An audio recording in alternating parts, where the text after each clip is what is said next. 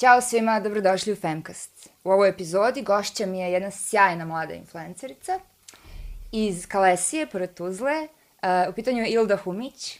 Ilda, dobrodošla u Femcast. ja pođu te breš, dobrodošla i ti. Hvala, bolje te našla, ja gošći, odmah idemo. Odmah sa smijehom. Odmah ga, pa nema veze. Hvala, bolje te našla i hvala na pozivu.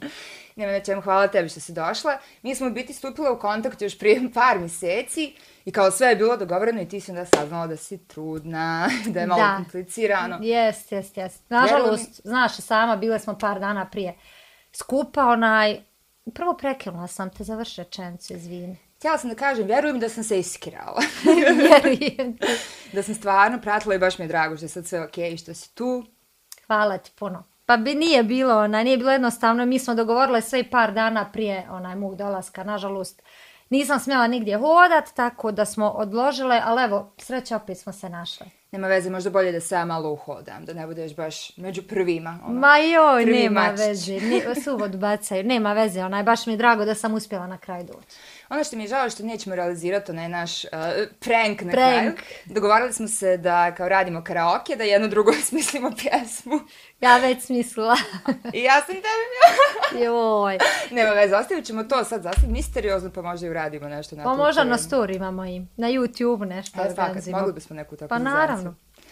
Uh, ono što je kod tebe karakteristično, mislim svaki influencer i influencerka ima ne, imaju neku svoju autentičnu nišu, naravno, ali ti si uspjela da napraviš hibrid od nekoliko različitih medijskih formata. Dakle, ok, influencerica si koja se bavi i modom i kozmetikom i ono unboxing, Svime. to klasika. Onda imaš taj komični moment koji je, ono, mislim, na nivou sitkoma, mislim, zaista ono entertaining. I onda imaš, naspram sve toga, ono, taj neki reality moment, jer toliko si aktivna, zaista da. ljudi kao da gledaju neke ono TV show, Kardashian, keeping up with the humics. Yes, bukvalno, to dosta ljudi tako kaže.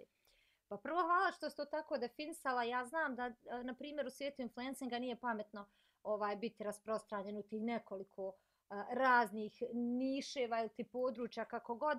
Ali ja jednostavno nisam htjela sebe da ograničavam. Ja sam htjela da budem ono što jesam, to tako zvuči kliše, ali je istina. Uh, Htjela sam bude ono što jesam, da radim ono što se meni sviđa i da ne gledam jao, ali ja sam modni influencer, ne treba mi se ja sad šaliti, ne bi trebala eh, uh, prezentirati produkte koje sam kupila u Bingu, ka karabatak, ne znam, bez kosti, slično.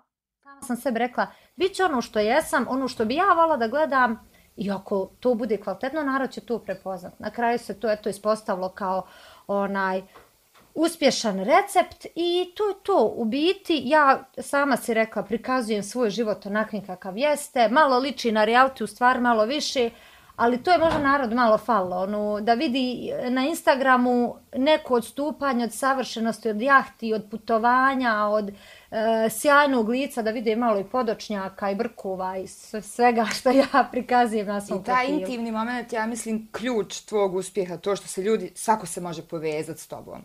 Pa to. I taj humoristični moment, naravno. Ono. Pa svakako, ja ona, i sama uh, gledam sadržaj s kojim sam mogu reletati ili ti uh, poistovijetiti. Mislim da dosta ljudi u mojim situacijama životni može da se poistovijeti. Na primjer, evo lupam, kad sam ja snimila uh, dođeš pred kuću, pjesma koju ti voliš e, i dalje pjeva i sjediš u autu, se vratiš još jedan krug da ispjeva. Dosta ljudi se u tome pronađe i milion drugih situacija koje sam ja snimila. Ja sam u biti snimala ono što se meni dešavalo u životu, pošto ja nisam jedinka, uh, jedna unikatna u 7,5 milijardi ljudi. Ima još ljudi koji su prošli isto koji ja i onda se nađu ti, sorry, udarila sam mikrofon, e, nađu se ti neki umovi koji slično razmišljaju, eto, od tog je nastala onako jedna lijepa grupica ljudi. E, ono što tebe poprilično e, ističe je ta, taj moment komedije i sad iako kao bosanci i hercegovci su narod koji se nešto diči svojim komičnim, ono, svojom komičnom pozadinom, to u biti nije toliko tačno.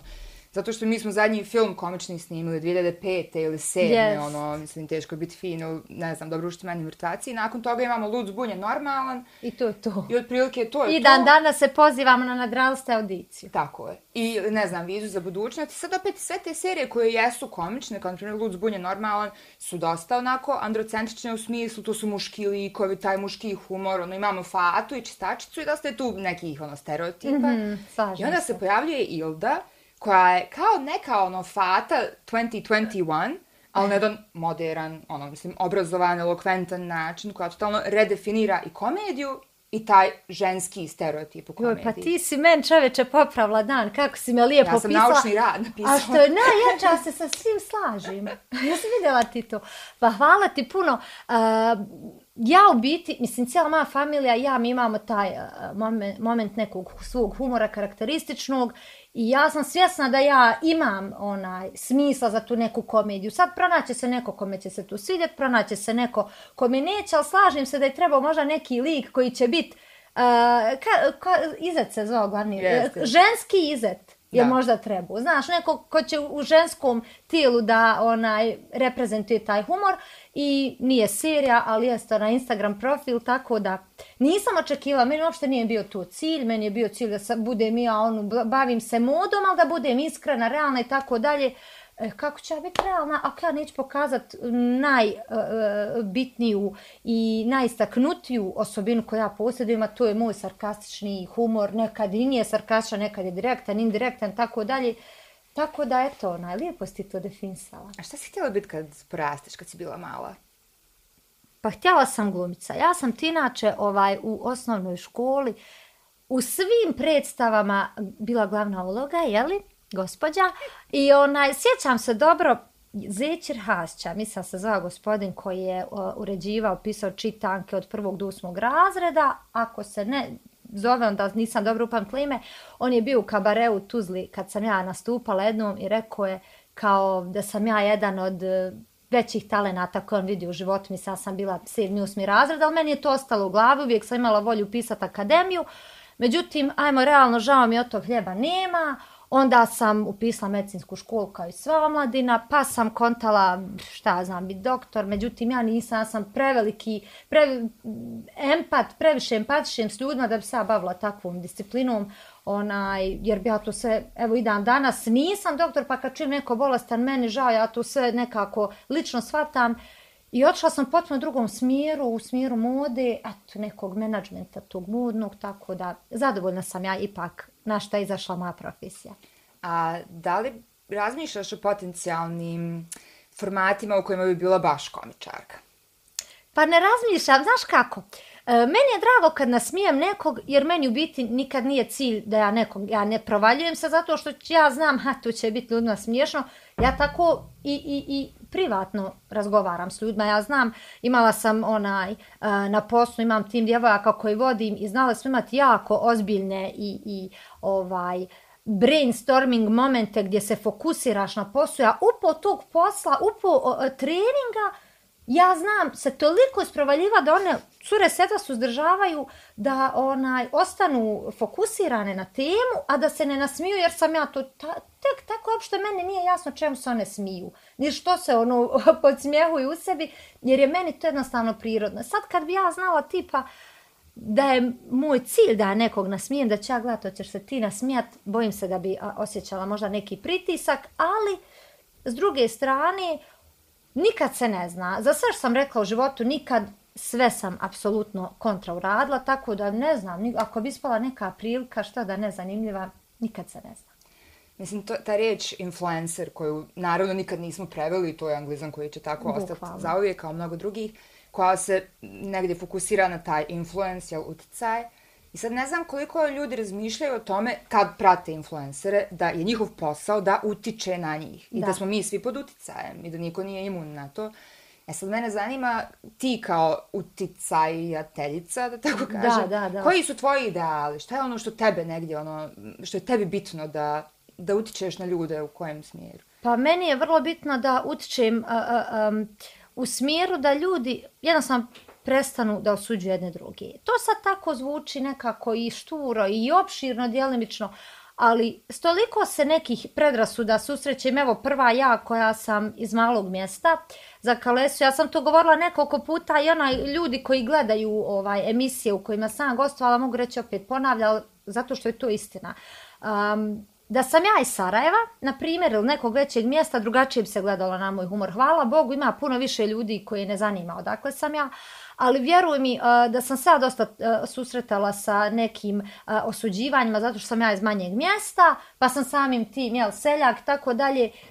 Men to ne smita, zaista. Ja sama ističem u prvom planu onaj da sam neko ko iz malog mjesta, sam seljak, ha, ha, ha, pi. Međutim, to je jako ružno kad vidiš da ljudi gledaju ljude kroz tu.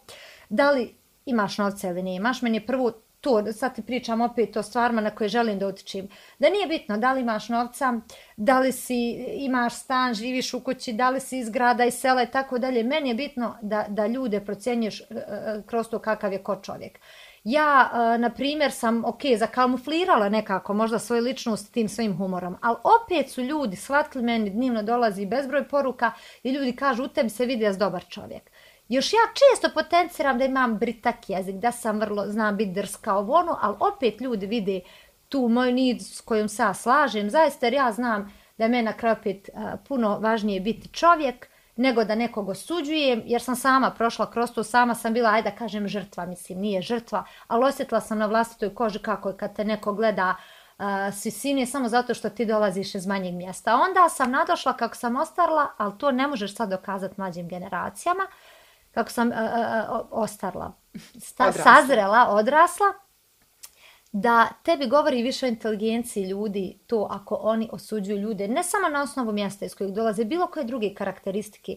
Jer zašto bi moj geografski položaj određivao moju inteligenciju ili uh, moju elokvenciju ili, ili onaj uh, moje ljudstvo To nema veze s geografskim položajem, složit ćeš se. Znači, ti odakle god da si, možeš biti iz Njujorka, pa i za Sarajevo, za Njujork je Sarajevo selo. Ako sam ja za Sarajevo sela i tako dalje. Znači, sve ima veća stepenca od veće i mene nekako, to mi je jako žao jer često vidim na ovim društvenim mrežama dječicu koja pokušavaju napraviti nešto i onda ih osude zato što oni imaju akcent ili nešto slično.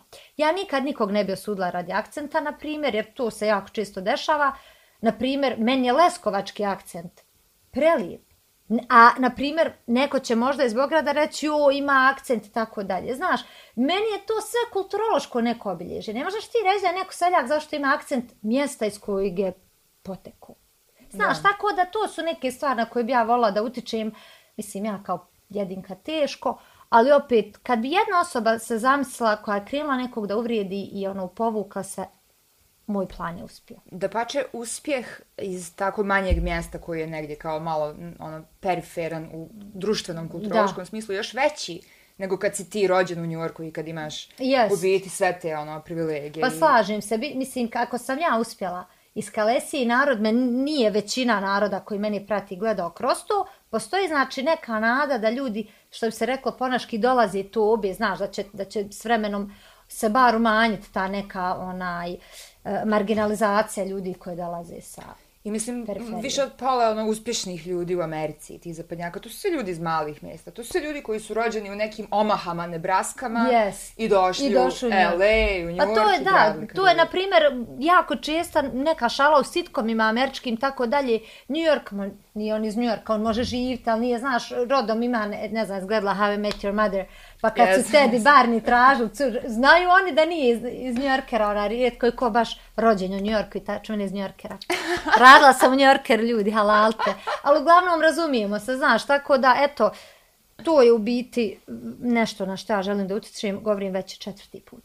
Ja, bitno je i meni u ovom podcastu zaista da se razbijaju te predrasude i ti stereotipi, Jer donekle Hvala. ljudi koji su iz ruralnih dijelova Bosne i Hercegovine su zaista stigmatizirani kao što su stigmatizirani i ono ljudi u pokretu i žene i sve su to neke opresirane grupe bespotrebno pravimo ovaj neku distancu između svi smo toliko Be, ali bez ikakvog konkretnog razloga razumiješ da ti imaš sad neki neku činjenicu koju koju možeš naučno dokazati ja bih rekao okej okay. ali to su sve neke starinske priče, rekla Nana, prenijela tevu mene, baš jutro spričam sa suprugom, rekla Nena, ona voda iz one avlije je dobra. Ma kako ti znaš, je, je li to neko, ne znam, istraživanje, vršenje, neka analiza na tom vodom, pa mi sad, Kod nas, kroz deset generacija se ponavlja kod Hasibe, kaže dobra voda. Ma ovdje je tradicija majka. E, mislim, tako i ona, oni ne valjaju, oni su dobri, a mi pojma nimamo na konto čega. Znaš, nimamo razloga da bismo sad mi razradili tu tim, pa došli do zaključka, ehe, dobro, onda, taj zaključak je takav kakav jest, jer imaš dokaze. Mi onako samo hlupamo, a uopšte da. nimamo pojma o činjenicama. A jesi svjesna ti da si ti aktivistkinja u biti? Mislim da i tvoj, tvoji pozivi na filantropiju i taj neki humanitarni rad koji radiš preko Instagrama i ta činjenica da ti zaista promovišeš i druge influencere i mlade, evo sve sad što si ispričala, ima aktivistički moment. Pa nisam svjesna, mislim, ja se nikad nisam gledala tako, jer, kažem, nisam nikad vjerovala da ja mogu utjecat na ljude u tolikoj mjeri sad. Ovaj, međutim, naravno, postajem svjesna pomalo, jer komuniciram s ljudima, vidim onaj, da je to već odšlo malo dalje nego sam ja svjesna uopšte. I hvala ti ako me tako vidiš, ovaj, sad kad ti to tako prezentuješ, pa kad to tako jeste, ono, djelimično mislim, nisam, e, baš smo pričale ti ja prije nego smo počeli. Ja ne volim pričati o temama koje se ne razumijem potpunosti, znaš. Uh, Eh, ja sam išla u medicinsku školu četiri godine. Četiri godine sam studirala na medicinskom fakultetu, bila jedan najbolji studenta. Vjeru i dan danas o medicinka se krini pričati, ja se povučem. Što? Ja nisam doktor. Koliko god ja škola imala i znala medicini, ja nisam doktor. Znaš, jednostavno ne volim se onda gdje nisam specijalizirana, da ti mene sad pitaš koja majica će se prodavat, gdje je treba pozicionirati u radnji, kako organizirati dostavu s ljudima, ljude, na koji naš treba komunicirati sa svojim timom, ja bi tu prva bila, znači da pričam. Jer mislim da sam to usavršila. Sve ove ostale teme ja se nekako povlačim, ali opet, mislim, sudjelovati u humanitarnim akcijama, zato ti ne treba nikakva specijalizacija, niti specijalno znanje, trebaš samo biti čovjek. Tako da se trudim kad već imam uticaj, da makar da pomognem onoliko koliko ja mogu. Mislim, definitivno jeste uh, donekli problem da jako puno influencera ne koristi svoj uticaj za neke, jel, ono, bilo se bilo kakvom svrhom, koja ide uh, malo dalje od čistog poticanja konzumerizma. Slažem se. I opet mislim da koliko god da je bitno da je etički se pristupa influencingu, da je sasvim ok da uzmeš kao argument svoje iskustvo, ali sa nekim ono disclaimerom, kao ovo je samo moje iskustvo, nije naučno dokazano. I ti si pričala jako puno o svojim problemima sa anksioznošću, sa digitalnim burnoutom, da, da tako ga nazovem. Bukvalno. I mislim da je to jako značajno, nekako da, da se normalizuje to, da čak i osoba koja jeste i toliko uvijek i raspoložena i, i uspješna i sestrana i smiješna, mislim, ono, stvarno imaš tu vedrinu, da ti također kuburiš, imaš problem Kuburim sa... Kuburim kako. A, znaš šta, ja, na primjer, kad, kad sam shvatila da trebam o tome pričati, ali tad nisam imala utjecaj, kad mi se anksiozni poremećaj tek pojavio, kad sam otišla, e, završila na prvi put, kad mi je mama rekla i Nena i sve krva i sve okoliš, nemoj da mi kom je rekla. A šta to ne bi rekla? Sam luda. Ja nisam luda ja i da sam, eto, bolesna, ne do Bog to je bolest. Znači, zašto bi ja šutla o nečemu što me ne tišti? Ja sam generalno ekstrovert i ja uh, Eh, volim da pričam o svojim problemima jer meni bude lakše. A često i na svom profilu pričam o svojim kompleksima jer meni bude lakše kad kažem i onda, znaš, nekako ne razmišljam o tome. Ja sam, uh, uh, tu sam zaista shvatila ozbiljno da, da trebam i mogu govoriti. Zašto? Zato što sam prošla kroz to. Znači, ja, ja znam šta je anksiozni poremećaj iz svog iskustva i znam da šta god kažem, ne može me neko demantovati jer ja sam to iskusila. Ti možda nisi, što ne znači da ja nisam u pravu. Tako da se trudim zaista da, da, da ponavljam, ne da bi ljudi, ne znam, vidi ove pateče, nego prosto ima jako puno novih ljudi svaki dan na mom profilu. Neko ne zna da sam se borila sa anksioznim. Ja i dan danas to spomenim čisto da znaju upravo to što si ti rekla. A, vesela, pozitivna, ludskasta, a bori se sa, sa psičkim nekim stanjima. Znaš, Ovaj, i, I mislim da je vrlo bitno zato što toliko se ljudi e, bori danas. Svako drugi se bori onaj sa nekom vrstom e, psihičkog poremećaja. Ja sam imala tu sreću ili nesreću, kako ko gleda, gledam ko sreću, da je to anksiozni poremećaj, nešto na čemu se ipak može raditi i što se može prevazići. Vjeruj kad sam ja progovorila o tome i dan danas, pardon, i dan danas mi se javljaju žene da me pitaju kako se borim s tim, Eh, Eh, kako sam se izborila, iako sam pričala milion puta, jednostavno ljudi eh, žele pomoć, pa kako god, jednostavno su očajni, kao što sam i ja bila, da, da im neko pomogne, da ih neko nasavjetuje, jer jednostavno u jednom trenutku ja sam se bar našla u bezizlaznoj situaciji. Jednostavno ne znaš više šta da radiš, na koji način da ti sam sebi pomogneš. I onda kad sam vidjela koliko se ljudi bori s tim, ja sam ono bila presretna što sam ja javno rekla jer je puno, puno lakše kad ti čuješ da još neko ima te probleme. Nažalost, nije u, u Bosni i Hercegovini dobro izgrađena infrastruktura za borbu sa, sa mentalnim Nije. poremećajima i za mentalno zdravlje. Prvo što je to toliko stigmatizirano i što Bukvalno. se i, i stres i, i anksioznost i mm, određene, određeni PTSP-evi razni tretiraju kao ti si ludi, negdje te to ono Yes. totalno stavi na Ne smiješ da kažeš, ne smiješ Bukvalno. jednostavno da kažeš zato što te strah, nije osude, ništa ni kroz ti si lud, nego e, pa dijelom nekog sažaljenja, onda tih e, pričanja za leđa, ljudi neće da razumiju o čemu se tu radi. A neznanje rađa strah. Bukvalno. I da ti još nešto kažem, što se meni ne sviđa kad se spomenula infrastrukturu i tako dalje, meni se, ja na primjer sam koristila a, a, medikamente prva dva mjeseca, a borim se već tri godine skoro s tim poremećajem i prestala sam iz jednog prostog razloga, to je što a, ja kad sam došla na drugi pregled, ja sam bila spremna da otvorim dušu, da, da ću pričati s psijatrom, meni je samo produžena terapija. I tu je meni, tu je meni presjeklo, ako ću ja samo da lasim psijatru da bi on meni produžio terapiju, meni to ne treba. Znaš, ni, niko nije tu pitao ni kako si, ni šta, dobar dan, rekao ja sam bila prije mjesec, aha, ko je ovo bio lijek, taj, e, još tri sedmice. To je veliki problem, to što imaš opciju državnih institucija koje u biti nemaju vremena da se bave Nemaju. na taj Samo je da terapeutski produži način. recept. Samo recept. I imaš privatne terapeute kojima nemaju svi pristup. Prosto Koji jeste neka koštaju. vrsta privilegije. Jest. I onda je- Nekog inkluziviteta. Tako je. ako sam uvijek miješam desno, lijevo, tako je ove in, ex, tako dalje.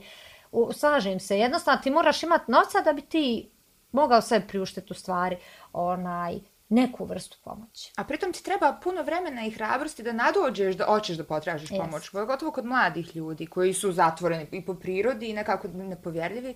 I onda i kad dođeš do te tačke da kao, ok, treba mi pomoć, to nije lako, mislim, stvarno je i Nije. skupo i ni, nema toliko ni izbora. Pa tu, taj tako dalje. strah, da, upravo taj strah od, od, od osuđivanja nekog okoline, od, od marginalizacije, ne znam.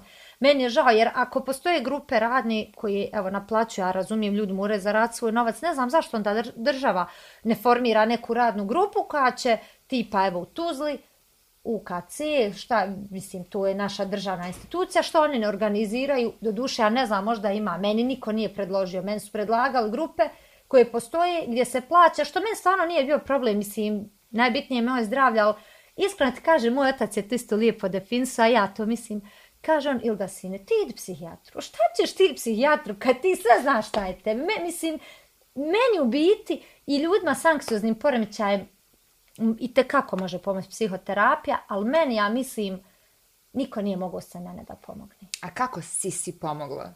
Distrakcijom. Mhm. Instagramom, vjerovala ili ne. Toliko ljudi pljuje društvene mreže, ja se slažem, ima jako toksičnih društvenih mreža, pa nije ni meni na Instagramu medim lijeko, a i tekako, što si već imaš više tih hitera, ono, i meni dolaze poruke te neke nebulozne, ali vjeruj da je meni Instagram bio distrakcija. Ja sam u najgorem svom periodu a, odlučila se vrat na Instagram čisto da se zabavim. Čisto da, da onu, kad mi naleti onaj moment gdje mi je loše, ne znam, manta mi se od toga plače i sve, sve, sve, odo na Instagram gledat modne kombinacije. Onda sam skontala, pa što ja ne bi, ono, snimala zato što sam, ne znam, par dana prije tog kolegicama snimila tutorial kako se šminkam, jer je njih zanimalo šta koristim od proizvoda, bajg lijep se znam našminkat, niđe vezi. Očigledno svi imamo niske standarde na poslu kad su mene tražile, ali ja sam njima to snimila, one mene znaju u svom maniru. Me je tako bilo zabavno, ja sam sama svoj klip gledala dvi- tri, četiri puta. Rekao, što ja ne bi ovako na Instagramu? Šta mi fali? I od, eto, tako je krenulo i stvarno meni Instagram bio velika distrakcija, baš mi puno pomogu. Ovaj, u tom mom anksioznom imala sam ja i svoje padove, ali u biti, kad ti pustiš kraj, što bi rekao naš nar, kaš dobro, eto, pošto sam ja imala, moj strah je od bolesti, neizlječive smrti, ja kad sebi rekla, eto, umri. Eto, neki umri, više ne mogu, jednostavno ne mogu da živim tako, mene je to tako i popustilo. Vjeru, ja sam imala fizičke simptome, vrtoglava mi se, po, počitav dan ljulja mi se, ruke, vidim, ali nisu moje. Ja kad sam naučila živjeti, ja vrtoglava mi se, ali nisam pala juče one sjesnicu sigurno ni danas. Ja sam, vjeruj, ono, kroz neko vrijeme nadošla. I sad kad bi se zavrtoglava, samo nastavim, ja ignorišim. Mislim, protuotrov za strah, anksioznost su suočavanje i transparentnost. E, to je to. Jer ti kad imaš taj, taj strah koji prelazi u sram i osjećaj krivice i tako dalje, ti to kad izgovoriš, ti kad se s tim suočiš, to stvarno, gore. jest ono, znaš, teško, ali nekako razbije, jer sram ne može da preživi to da bude izložen. Bukvalno, yes. A mislim, s obzirom da ljudi, ono, možda imaju, pre, ne predrasud, nego mišljenje da influencing je nešto usputno i to, ja bi da razbijemo tu miskoncepciju, to je toliko posla. I to je bukvalno full time job gdje ti moraš da pored kreiranja kontenta i smišljanja tog čitavog kontenta i da naravno imaš odnos sa svojom zajednicom, da prosto da budeš aktivan. Da skoro pa cijeli dan. Da li imaš pritisak od to, te tolike potrebe za digitalnom prisutnošću i kako ovaj, funkcionišeš ti?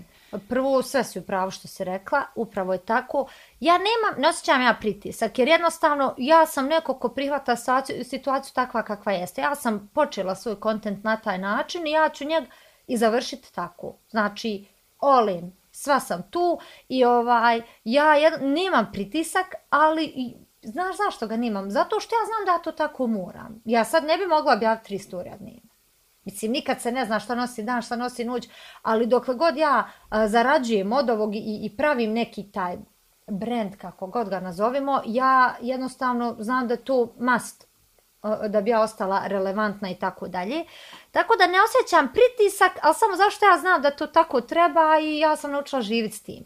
A slažem se s tobom, ja isto kad sam slušala influencere, ja mnogo posla, sam tako prevrtalačna, joj, šta, et nije se izraziti, ali emisija, što me nervira, šta batima, izađeš, slikaš se i ćao, kakav posao, vjeruj mi.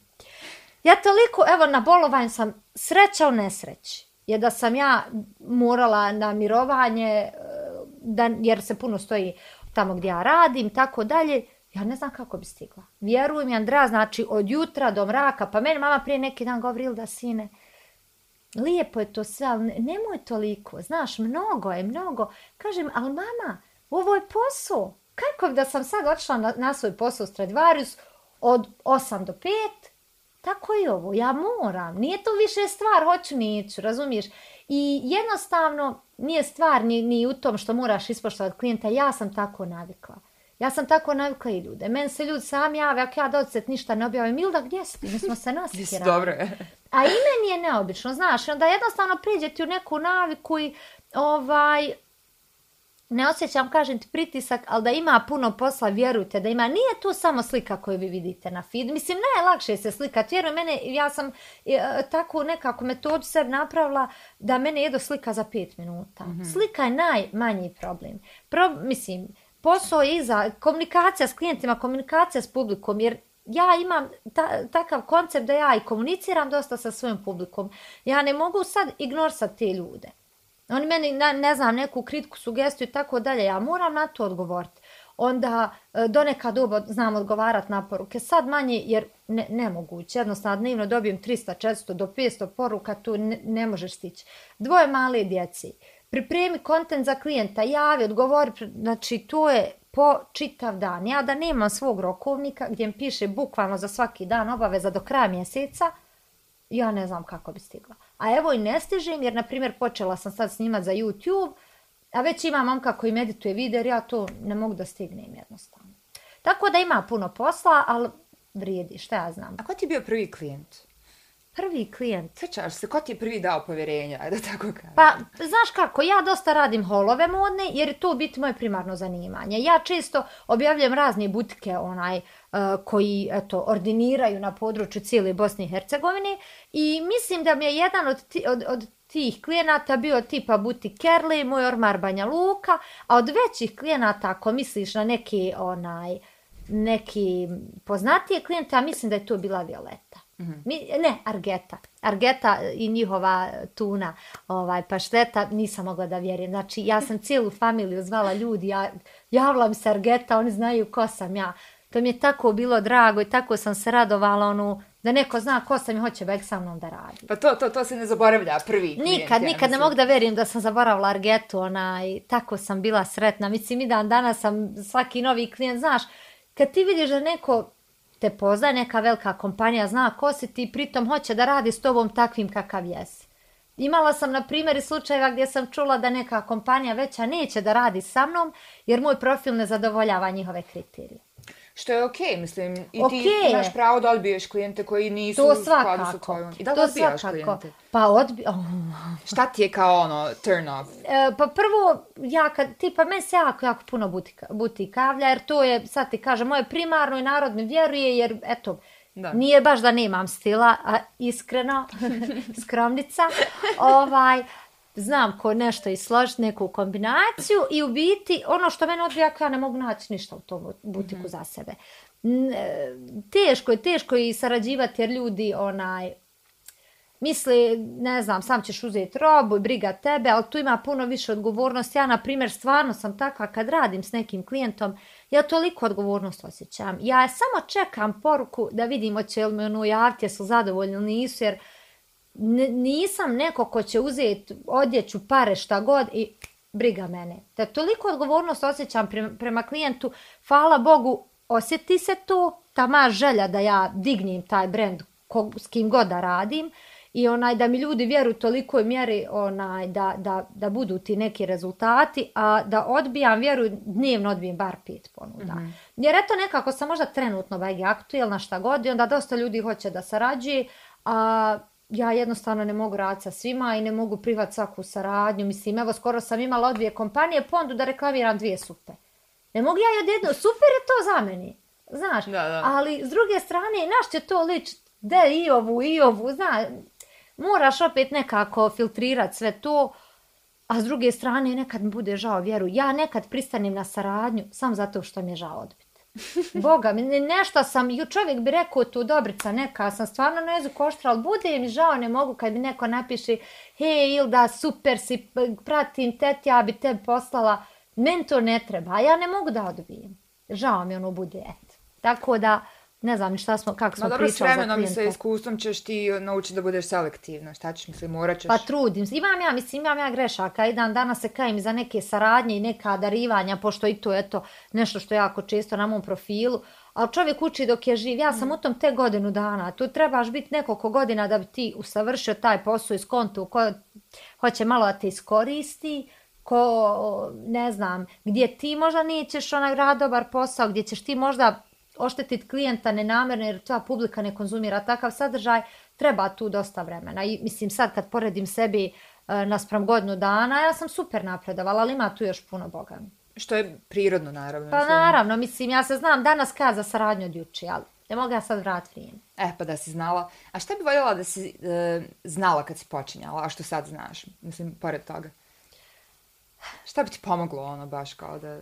Pa volam samo ono da sam znala da onaj, nemam, šta ja znam, mislim, da sad ti, to što si ti rekla, možda da bude malo selektivnija. Znaš, šta ti kažem, nije stvar, nije stvar Ali uopšte... nije lako to kad počinješ, izvini što te prekidam, Nije. jer, znaš, i ti budeš sretna što neko želi da ti da povjerenje i Yes. onda prihvataš puno toga i nekad i ne uzmeš dovoljno novca za to, nego ono budeš sad sretna Da, što, što ćeš da. raditi, što krećeš u to. I onda nije lako s ovim sad, ovaj, okolnim prolaskom vremena, isto to... Pa nije, nije, vola bi, mislim, jednostavno sad ti kažem ti kad si na početku upravo to što si rekla, tebi je drago, kogod hoće, znaš da ra, jao, vidi, super, svi mi volimo džabalama, ali vjeruj, postoji granica, ja, na primjer, sad pola odjeće što dobijem, ja to prezentujem radi klijenta, ja pola podijelim. Mm -hmm. Jednostavno, ne da se to meni ne sviđa, nego nemam gdje više da obučem i nekako, znaš, postane s vremenom, postane strah Boga. Ako imaš imalo razvijenu neku tu podsvijest, znaš, sad meni dolazi toliko garderobe, normalno da će klijenti neki buci htjeti da šalju meni, koja se bavim time, nego nekom, ka, skoro neko govori bolje da je ta, ne znam, koja mi je kompanija poslala paket, da su poslali u humanitarne svrhe.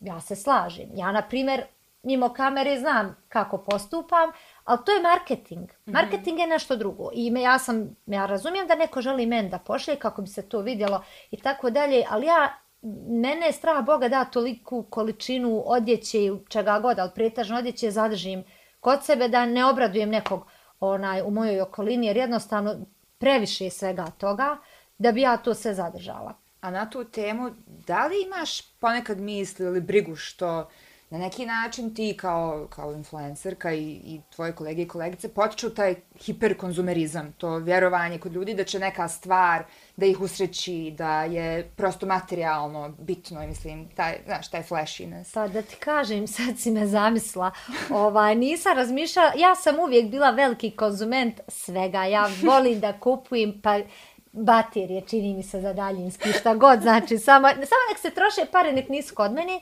I u pravu si, to je možda nešto o čemu zaista treba razmisliti. Nisam, sad kad bi rekla jesam, u pravu si, mm -hmm. treba povest računa, nisam nikad. Ali razmislit ću, postidi me žena. Šalim mislim... se, ne, ne, super, hvala ti, u pravu si. Znaš, ono, to, je, to je tvoj posao i naravno da nekad radimo stvari za pare koje nam nisu nužne ovo što najbliže srcu, ali treba razmišljati o tome prosto zato što nosiš sa sobom neku ideologiju. Jest, mislim, i... jest, upravo si. Znaš kako, ovaj, uh, jako je nezgodno pričat generalno o saradnjama, o zaradi to, influencinga, zašto to kod ljudi automatski stvara averziju. Mm -hmm. Ja ne znam ko zdravije pameti misli da je neko došao bilo kakvu digitalnu mrežu, društvenu, šta god, onako. Bez te misle da bi nekad mogao nešto zaraditi. Naravno da uh, uh, svi mi na kraju da nam je svima cilj novac. Pa što ti radiš? Radi da, novca, jel da? Ja osram te bilo. Da, da. Ja, znaš, mislim, ne treba to tako gledat, ali opet s druge strane treba nekako možda sve to odvagati i razmisliti o posljedicama toga upravo tu što si ti rekao, taj neki onaj preveliki konzumerizam kod ljudi, onaj, pa evo kod meni prvi. Vraćamo se na taj etički influencing u biti gdje Mislim, ti prosto, e, osjetljiva je tema, osjetljivo je zanimanje, yes. jer ti nekom preporučuješ nešto i to je naš na prirodan način izneseno tako da zaista ljudi ti vjeruju, pogotovo ljudi u BiH nisu toliko digitalno pismeni, ne znaju da prepoznaju šta je plaćena saradnja, da, šta, šta nije. nije. I na kraju krajeva ne znaju da prepoznaju kod influencera ko je kakav. Mislim, upravo, ovaj... upravo, upravo. Ima dosta ti a, lažnih slika ili kako mm -hmm. god. Vjeruju da sam se ja susretala. Ti na Instagram vidiš jednu savršenu sliku, e, ne znam, divni osobi, nebitno je sad kojeg pola, sve super, tip top, a ovamo niđe veze sa onim što si ti vidio, što ne znači da je moj profil ono što vidiš to je. Vjerovatno neko ko bi mene vidio za kamere, rekao bi, boga mi ova nije ni blizku na Instagramu. Ja mislim da jest, ali ne govorim sad o sebi.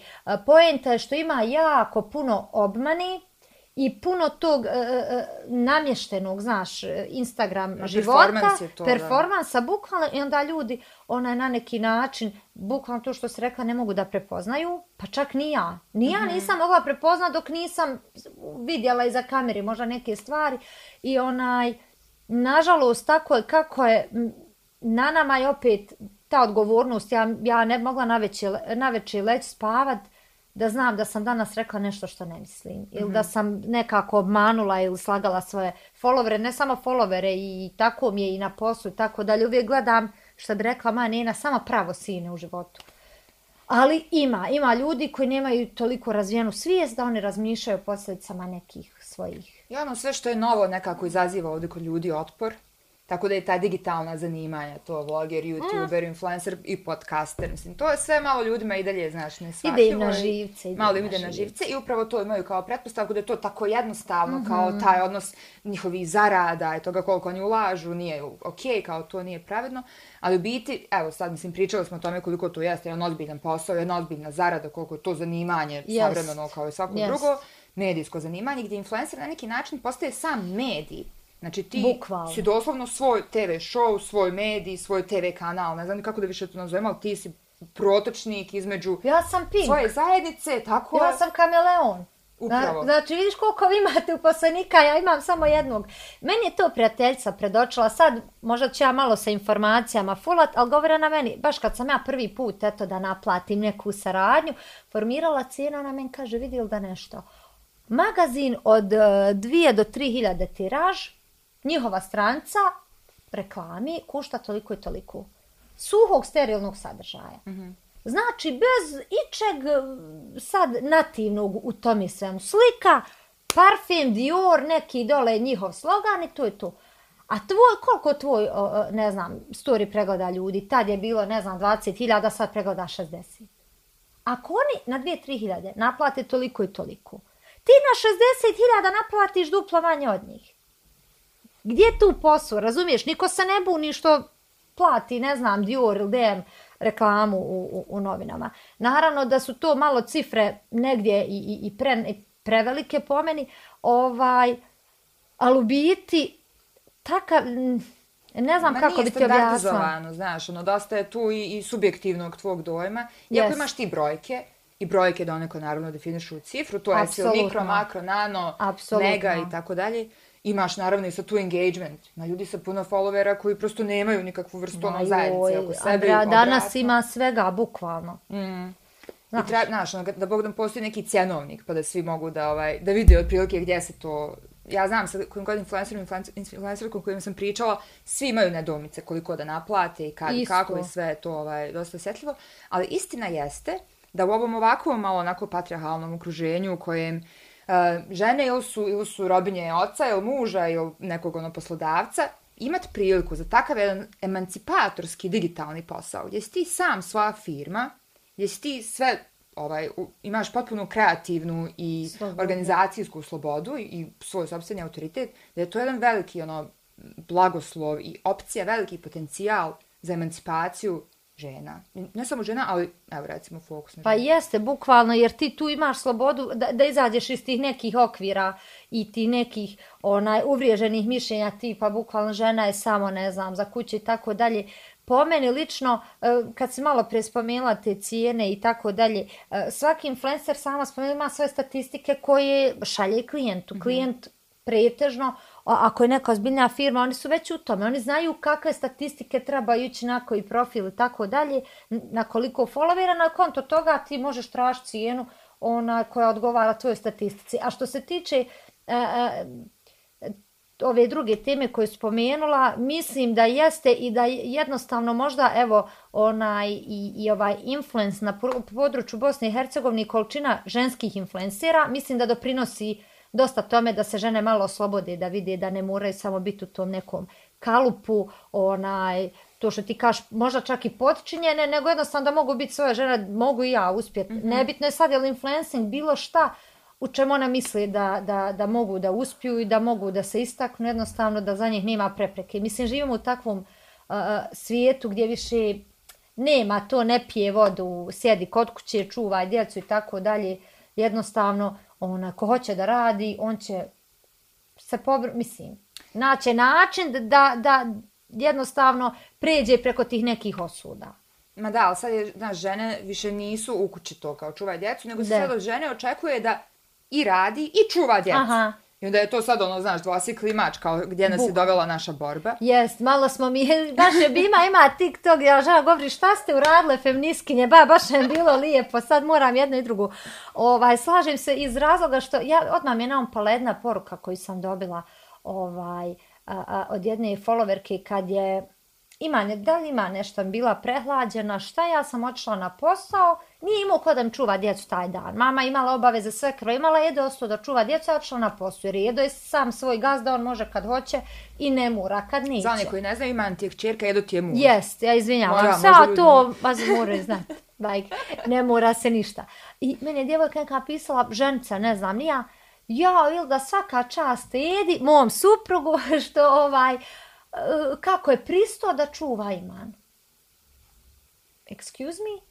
Rekao, on pristo. Pa ništa, rekao, sad ću ja javit na poslu, znate šta ja ne mogu doći, nemam ko čuva dijete, a šta će, pa to je njegovo dijete, znaš, taj mindset mi nikako nije ja sam živao u 21. stoljeću i hvala mom suprugu, a hvala tebi, ti zdivan, a hvala njem što to čuva dijete.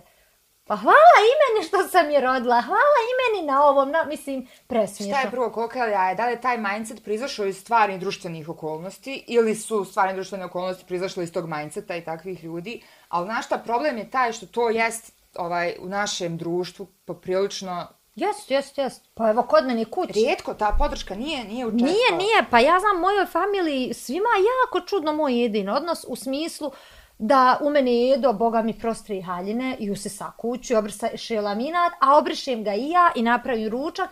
Ko prvi, djevojc, njegova djevojka, mm -hmm. ko prvi dođe kući, njegov posao. Razumiješ? To je toliko čudno, vidi, hoće jedo. Šta hoće? Šta hoću ja, razumiješ? Ja radim, on radi. Šta sad ja trebam? doći s posla i sve to rad, a on meni doć, jedo doći s posla dići noge na trosjedi. Nije mi jasno nikako, mi nikako da iza, znači, mi smo parcijalno, mi, mi parcijalno prihvatamo stvari. Prihvatili smo to da žena uh, može radit, ali nismo prihvatili to da joj treba pomoć kad dođe iz tog posla na koji je otišla. Meni je to iskreno neshvatljivo, ono mind blowing, bukvalno, ja sam tako na to osjetljiva. Meni kad neko bilo šta, izvin sam da završim rečenicu, na tu temu počne, ja bi sad mogla svađat. Nema ono između, hajmo da ti malo razbijem predrasud. Ne mogu da vjerujem da došao na tu ideju da tako nešto izjaviš. Ali to je, nažalost, ono što smo pričali na početku emisije, kad ti kažeš, evo sad više ne znam ni šta smo pričale, ali zna, ono, sačekaj, sad ću se ja sjetit. Uh, jesmo, Boga, malo preko sad se nadovezati, pobježe mi misao. Ali uglavnom baš smo pričale o tome, onaj, o, o, o, tom, ka, aha, ka, ne valja voda u ono javlju. Mm -hmm. To smo mi godinama s generacije na generaciju prenosili, ne valja muško da radi pokući, ne valja žena i mi smo došli do ovdje I to više niko ne preispituje, Ne, samo usvojiš. bravo, ono, mi ja. smo to usvojili tu doktrinu, niko teoriju stvar, to nije ni dokaz, to je samo teorija. Zašto, kako, gdje?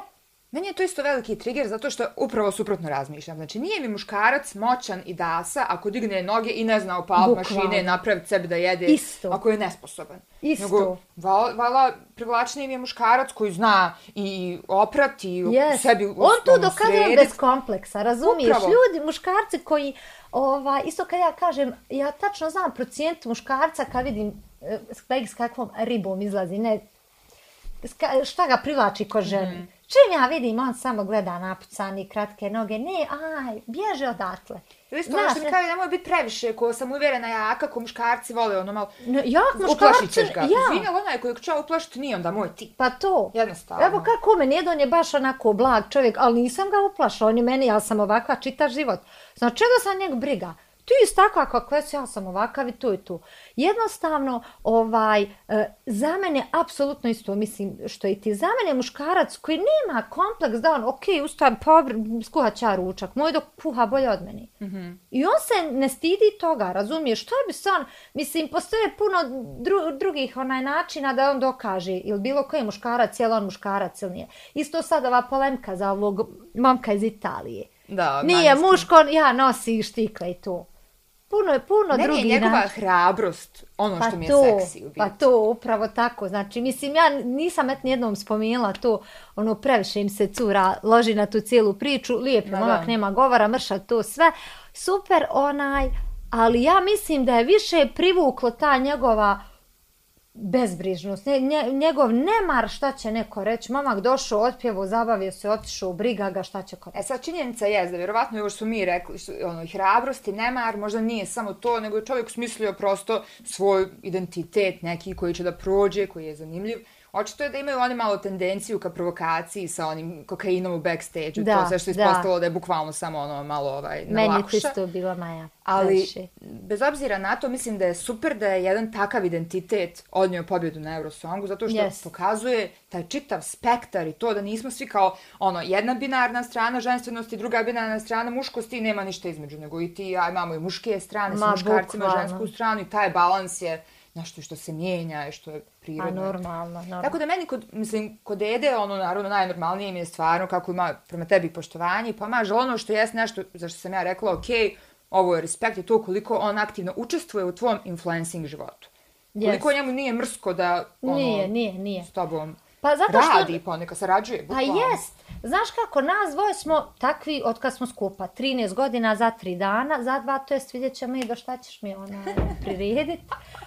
E, jednostavno, mi smo naš odnos prenijeli i na kameru. Nema tu sad, ajde da kažem, neke očigledne ili, ili namjerne pomoći. On jednostavno sa mnom komunicira onako kako mi komuniciramo i mimo kamere i samo to prenesemo na kameru, ali ima momenata gdje on e, zna da je neka, na primjer, saradnja, onda on tu meni pomogne čisto da bi to nije izgledalo vjerljivije. To je tako kako jeste, ali eto da on da svoj neki doprinos, jer ne želi on da ja tu učestvujem sama, da se ja borim sama, a da on, ne znam, stoji po strani, nego on koliko može stvarno se trudi i, i da, da mi snimi neke kadrove što meni treba, još se on tu uči, ovaj, treba će još vremena da on tu neke te stvari savlada. Jednostavno da, da shvati, hej, ok, ili da sad radi ovo, oduzet kameru da je nešto snimio. Jer ja često kažem, što nisi ovo snimio dok sam, ne znam, se s Lukmanom nešto, neku zanimljivu sin Lukman, ovaj, neku zanimljiva scena, neka zanimljiva scena se desi, na primjer, ja ne stignem snimit, jer sam u odnosu nekom igram se s Lukmanom, kaže, medije se snimio, kaže, on nisam. Pa što nisi, znaš, to nam je, onaj, to je zanimljivo, bi možda ljudima bilo, ali uči se sad, na primjer, vidim kame, mobitel je tu, spremno čeka ako bi se nešto desilo. Tako da jest velika mi je podrška stvarno, ona, i tu vidiš koliko on niskompleksiran s tim. I mislim da je zaista to važno za bilo koju karijeru, ali pogotovo za karijeru yes. koja je toliko jel, intrusivna u vaš lični prosto, ovaj, prostor i život. Jeste. Ali postoji ta polemika uh, generalno na internetu, uh, I mislim da je sad vrijeme kad se sva ta nova zanimanja negdje etički preispituju i onda se isto tako preispituje i to javno prikazivanje djece i njihovog identiteta i to aktivno učestovanje. Sad ja, mo, moj lični stav je da svako ima pravo da izabere, svaka majka ima pravo da izabere želi li ili ne želi da eksponira svoju djecu na internetu i na koji način. Ti si odabrala da oni budu aktivni učesnici u, u prosto tvom digitalnom životu. Da li si kad nailazila do duše na osudu tako nečega i da li si sama preispitivala koje bi mogle biti ponovno posljedice toga za njih? Razumijem šta me pitaš, bajge, razumijem, baš je ovaj, nerazumno. Uh, jesam, razmišljala sam, znaš kako, ja sam osoba koja generalno, iskreno ti kažem, nisam neko ko mnogo analizira u tom smislu tuđe postupke da u svemu tražim nešto negativno. I to je možda, to je možda i mana zato što bi i svoje postupke izanalizirala i skontala. Nisam, vjeruj, razmišljala o tome dok nisam vidjela na YouTube, ono ima često ove drame, imaju kanali koji se samo bave dramom drugih influencera. I sad, no, to, vjerujem, ti je, vjerujem, to ti je grana za našla. sebe. I naletim ja tako s vremena na vrijeme i ovaj, baš sam slušala taj dio gdje ono roditelji eksplotaju, eks, ne mogu exploit. exploit, jest, svoju djecu. I onda sam se pronašla, rekao, hej, pa čekaj, moja su djeca vide, ma da li ja sad onaj, svoju djecu forsaram, tako dalje. Ja, mm, moj koncept sam zahtjeva e, e, ro, ro, sirov materijal koji je transparentan, koji je takav kakav jest. Moja djeca žive sa mnom, oni su tu, ja njih ne mogu sakrit. Nisam neko ko misli ima ljudi koji ne misle tako, ali iz nekih drugih razloga skrivaju djecu. Ja ne mislim da sam toliko bitna da moram sakriti svoje djete, nisam Angelina Jolie, niti bilo ko. Ja jednostavno snimam tako kako jeste, ne kažem. Ja, ja, ja sam vrlo otvorena za, za sugestije, kritike. Možda to pogrešno, možda će ja sad kroz par godina da je to bilo pogrešno. Ja to sad ne znam, jednostavno kasno sam možda o tome počela razmišljati. Moj život je takav kakav jest, vidim dosta drugih influencera koji isto tako snimaju svoje djecu i ne mislim da možda se treba baš sve gledat uh, pod lupom i sad ne znam, prikazuje dijete, ona izvlače od njeg neku korist, mislim to su moja djeca. Ja ne mogu njih ne prikazat, razumiješ? Mm -hmm. Lukman tu stavite onaj smajli mu na lica se ne vidi. Ja jednostavno nisam takva, možda griješim, ne kažem, možda ću se danas sutra pokat, ali nisam razmišljala toliko u tom smjeru do jednog trenutka, onda sam odlučila ne mogu se opterećivati. Ako ja budem svaki svoj postupak istorije analizirala, jesam trebala ove, sam ono, samo ću sebe opteretiti, ne znam, pašću možda u depresiju, još već anksiozni poremećaj, jer nisam trebala ovo, nisam trebala ono, onda pustim ono, nek vrijeme pokaže. Ja sam isto zato da ne mora ništa da se radi savršeno, da je perfekcionizam bukvalno ono, malo psihički poremećaj, yes, zna da bude stvarno.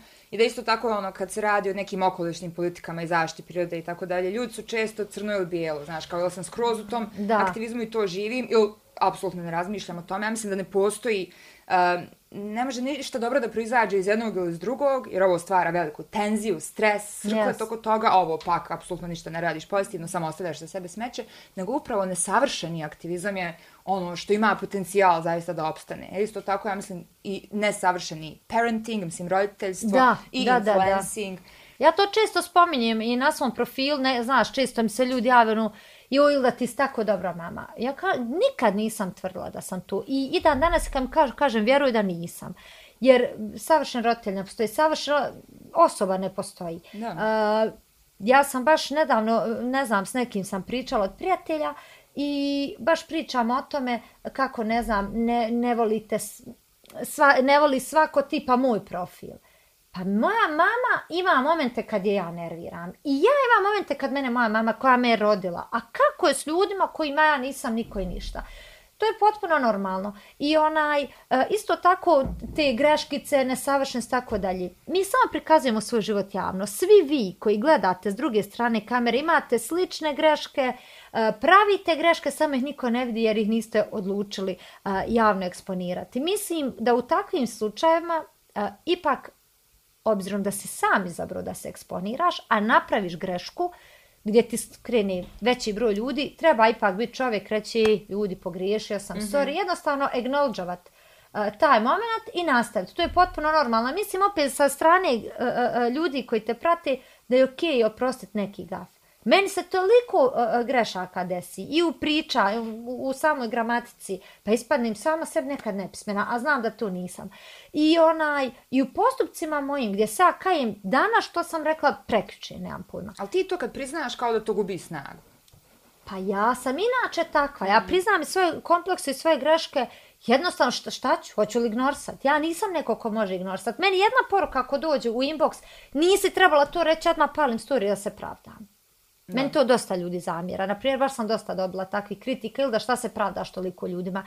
Eto, ne znam, da se ispravim, da ne bude jo ili da ona, ne znam, nešto je pogrešno, e, razmišlja o pogrešnom smjeru ili nije rekla, Vjeruj, teško je, kad smo pričali malo o, o influencingu, nije samo slikanje, teško je s te psičke strane. To mm -hmm. niko ne razmišlja o tom momentu. Svi razmišljaju, ja ti uzmeš pare i to je to, ljudi nije sve u parama. Lijepo ono, da se ne lažemo, ali vjeruj, uh, Eh, engagea se u tolikoj mjeri uh, uh, psihički u svetu, gdje te ljudi imaju pravo napisati šta god hoće. Naravno, bit će ljudi koji će reći ti isto izabro, jesam, ali ja nisam izabrala da svako kogod želi, meni može napisati šta god mu pade na pamet.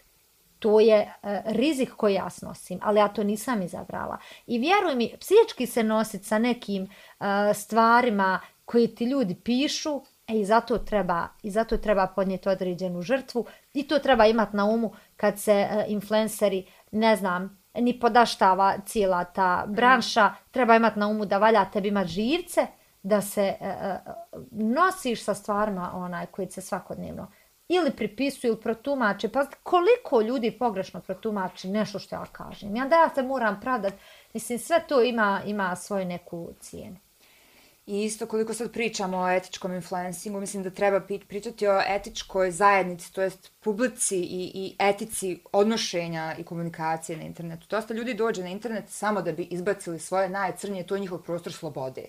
Ono što ne mogu da kažu u mm -hmm. realnom, analognom prostoru, dođu onda to usmjeravaju na tebe, na neke članke, na neke random ili manje random ljude. I treba raditi na toj medijskoj pismenosti, pismenjavanju digitalnom i razgovarati o ovim stvarima. Da ti nisi uh, osoba koja može se isključi i sad samo kao, ok, to je moj posao, ne zanimaju mm -hmm. me hate komentari. Ne, ne, ne, ja sam javno o tome govorila. Ja se nisam htjela vrat na YouTube, iako me dosta ljudi ono govorili da vrat na YouTube, baš bilo zanimljivo, gledamo tvoje vide. Nisam, odbijala sam da se vratim jer me strah negativni komentara, to kažem javno. Neki prijatelji su mi govorili da nije pametno, to kažeš, neka nije, to je istina. Meni nije svejedno pročitati negativan komentar. Od dosadna si, iako je to nečije mišljenje koje je potpuno legitimno, nije mi svejedno. E, mislim, evo u Turskoj, ja mislim, baš mi prijateljica govorila, tamo ima zakon usvojen je protiv tog cyber nekog buli, mm -hmm. bulinga gdje možeš, ne znam, po IP adresi naći ko je šta je i sad cijeli te procedure. Mislim da bi ne bi bilo loše kad bi se regulsalo na neki taj način čisto red tog nekog mentalnog zdravlja. Jer, ok, ja sam influencer, izabrala sam, ali cyberbullying nije samo nad javnim ličnostima. Cyberbullying se dešava svaki dan svima. I mhm. djeci šesti, sedmi razred koja su u pubertetu, prvi, drugi, srednji, to su strašne stvari. Evo imali smo slučaj ne, u, u živincama na djevojka, ne kažem da je riječ o cyberbullingu, ali gdje, gdje onaj, ljudi pate, ne smiju to da iskažu, opet se vraćamo i na mentalno zdravlje i čime rezultira nekim ozbiljnim posljedicama koje su irreverzibilne, to se više ne može vratiti što se tu djevojce desilo. Jako dosta ima uh, tih e, nepromišljenih, uh, nepovratnih posljedica kod mlađe, mlađeg narašta upravo radi cyberbullyinga. To treba nekako tome stati u kraj, treba definisati Kod nas isto kod da svi penzioniri rade u, u državnim ustanovama. Oni ne znaju ni šta je to. Ja išla u, u našu opštinu, onu kao da se raspitam, da registrujem svoju djelatnost, ljudi ne znaju ni pod šta da me registruju? Ne, I onda ne... bi ti se moglo desiti kao što se u Srbiji desilo freelancerima da moraju da isplaćuju poreze za zadnjih yes. pet godina, iako su oni yes. htjeli da plaćaju, samo nije bilo regulisano. Bukvalno, znaš, to je, to nije znači do mene, to je stvar do državi. A, ja, meni je to, od nas se vratila na fakultetu kad sam bila, mi smo učili neke preparate, kako prepoznavati preparate, a na primjer ta metoda koju smo mi učili na fakultetu izbačena prije 15 godina i sad se to radi digitalno. Zašto ja učim nešto što se više uopšte ne radi, što mi mm. neće trebati? Zašto mi se držimo neki stvari koje su više koji su sad van upotrebe, zašto ne, ne definišemo zakon ili bilo, bilo koju drugu vrstu odnosa uh, tako da bi se obuhvatile sve ove digitalne i, i, i, i jednostavno nove tehnologije koje god da se javle. Mi smo jednostavno zastali u, od Dejtonskog sporazuma u tim zakonima to se ništa više ne mijenja. Upravo tako. Upravo tako, nema progresa i ta reforma obrazovanja je toliko neophodna, ne samo u smislu kurikuluma, nego i u smislu toga čija je odgovornost bullying u školi. Da li je to Upravo. odgovornost posmatrača, profesora, druge djece, yes. da li je to odgovornost roditelja. Jer svi prebacuju, to se generalno, to je yes. sindrom Bosne i Hercegovine, yes. samo se ingerencija prebacuje na neke mm -hmm. druge slojeve, e tako i sa bullyingom. I onda se sa bullyingom nakon malog mahira, na primjer, Alekse, koji su se ubili, ono, mislim, dječaci, Nakon toga je puno inicijativa pokrenuto da se spriječi suicid kod mladih i da se radi na mentalnom zdravlju, a situacija se. Šta se deseno curca znači, prije Samo se preselila dodatno na digitalne yes. platforme i na društvene yes. mreže gdje sad djeca nemaju, da, tako kažemo, dakle, gdje da pobjegnu od bullyinga. Bukvalno, odeš kući, sačekate porka na Facebooku ili nešto slično.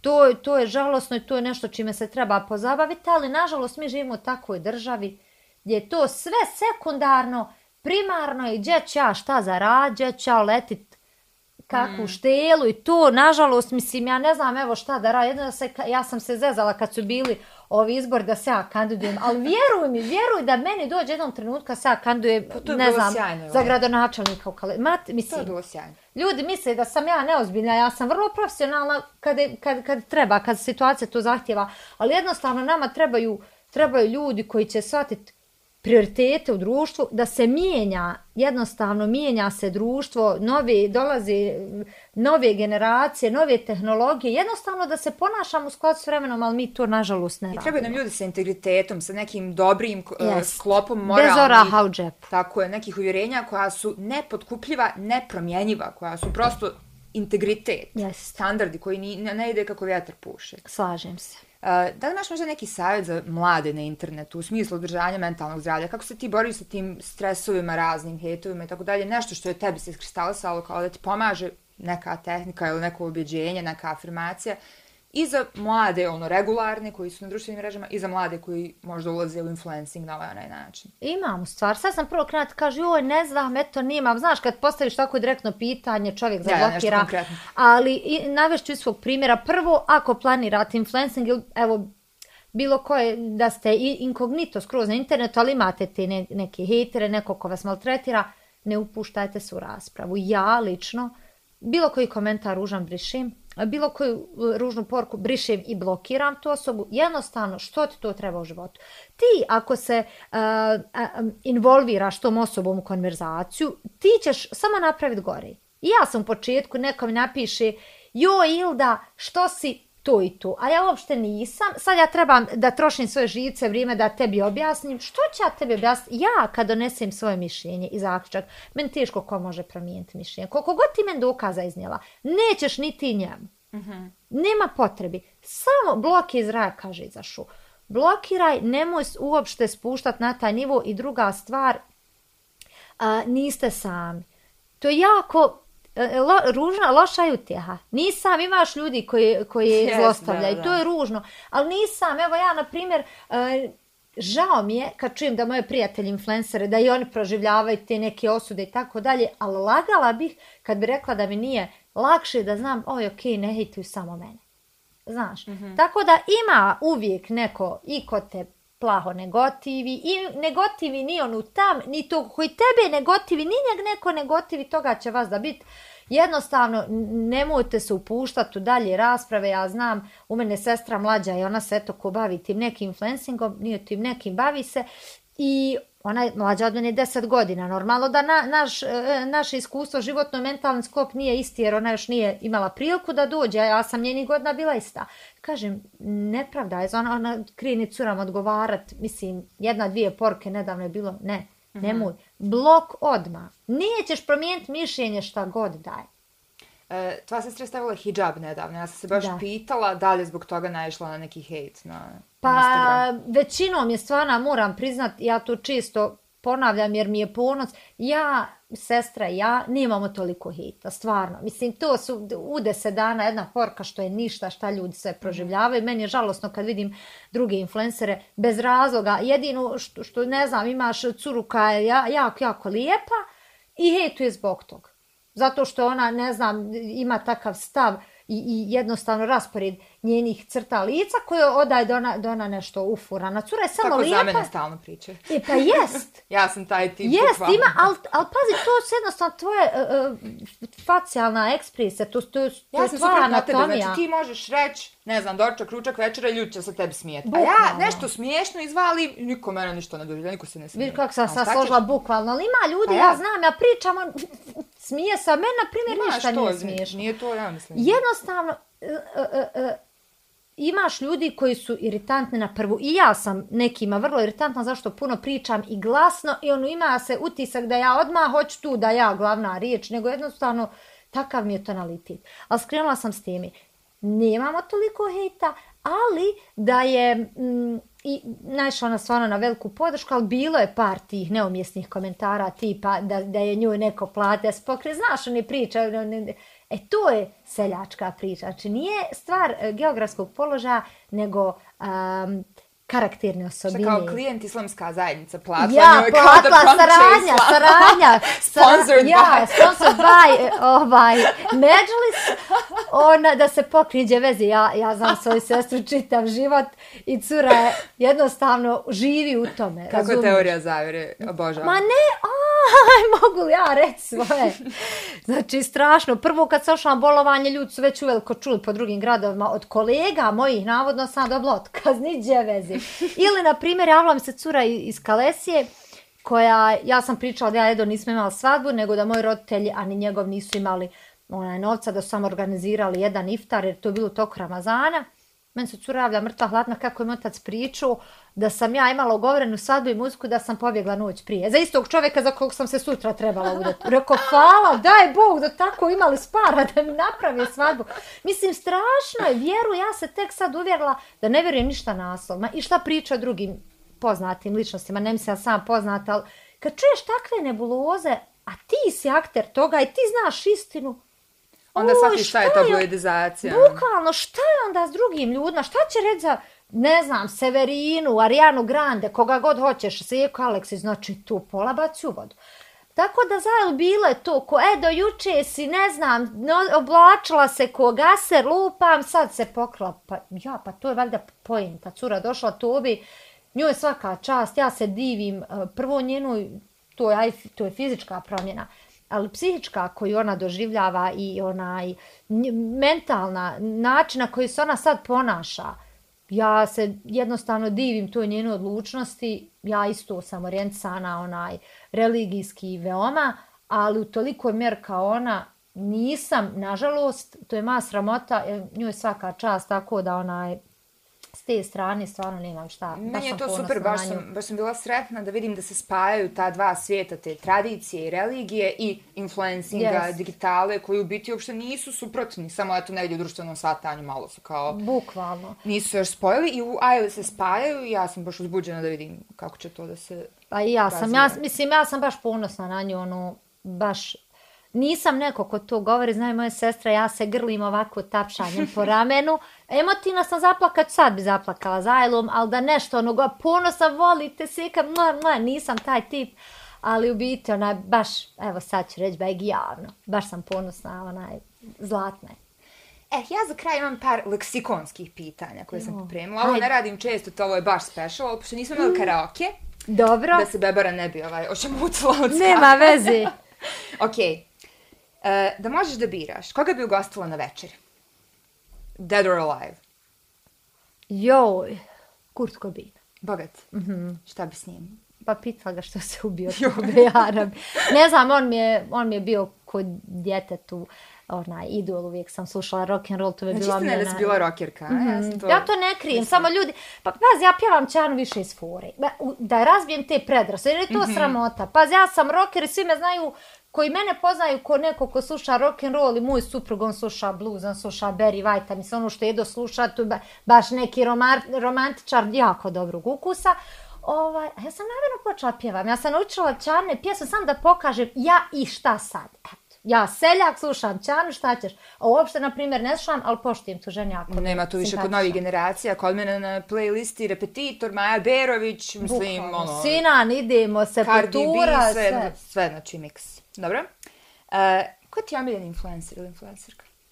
Jo, omiljeni influencer. To jest ne nužno omiljeni ono kako rade posao, nego ko, ko kod tebe izaziva tu želju da kupiš sve što oni promovišu. na koga si slaba. Dobro, imam prijatelje, njih nisu sad u brad, Ja, zašto ja, će ne. svi znat da, da se na njih odnos. Znaš ko mi je? Ela Dvornik. Ona mi je nekako dosta slična meni. Uh, vrlo onako otvorena i kad je čupave ovako onako, ne znam, i Marko Vuletića, mislim, on je isto iz Hrvatske. Um, vjerujem im, ne znam, sviđa mi se taj koncept, dosta slični meni i onaj, oni su mi super baš. Influencers influencing influencers. Yes, bukvalno. Uh, kako ti je bilo djetinstvo? Pa, teško. Teško, teško leksikonsko pitanje. Teško, teško, onaj. Pa eto, imam neke traume. Mhm. Ne, ne volim da pričam o Dobro, tome. dobro, ne- ono. ja, rekla sam na- ja da sam, kako kaže moja nena, same mlin nije mljeo.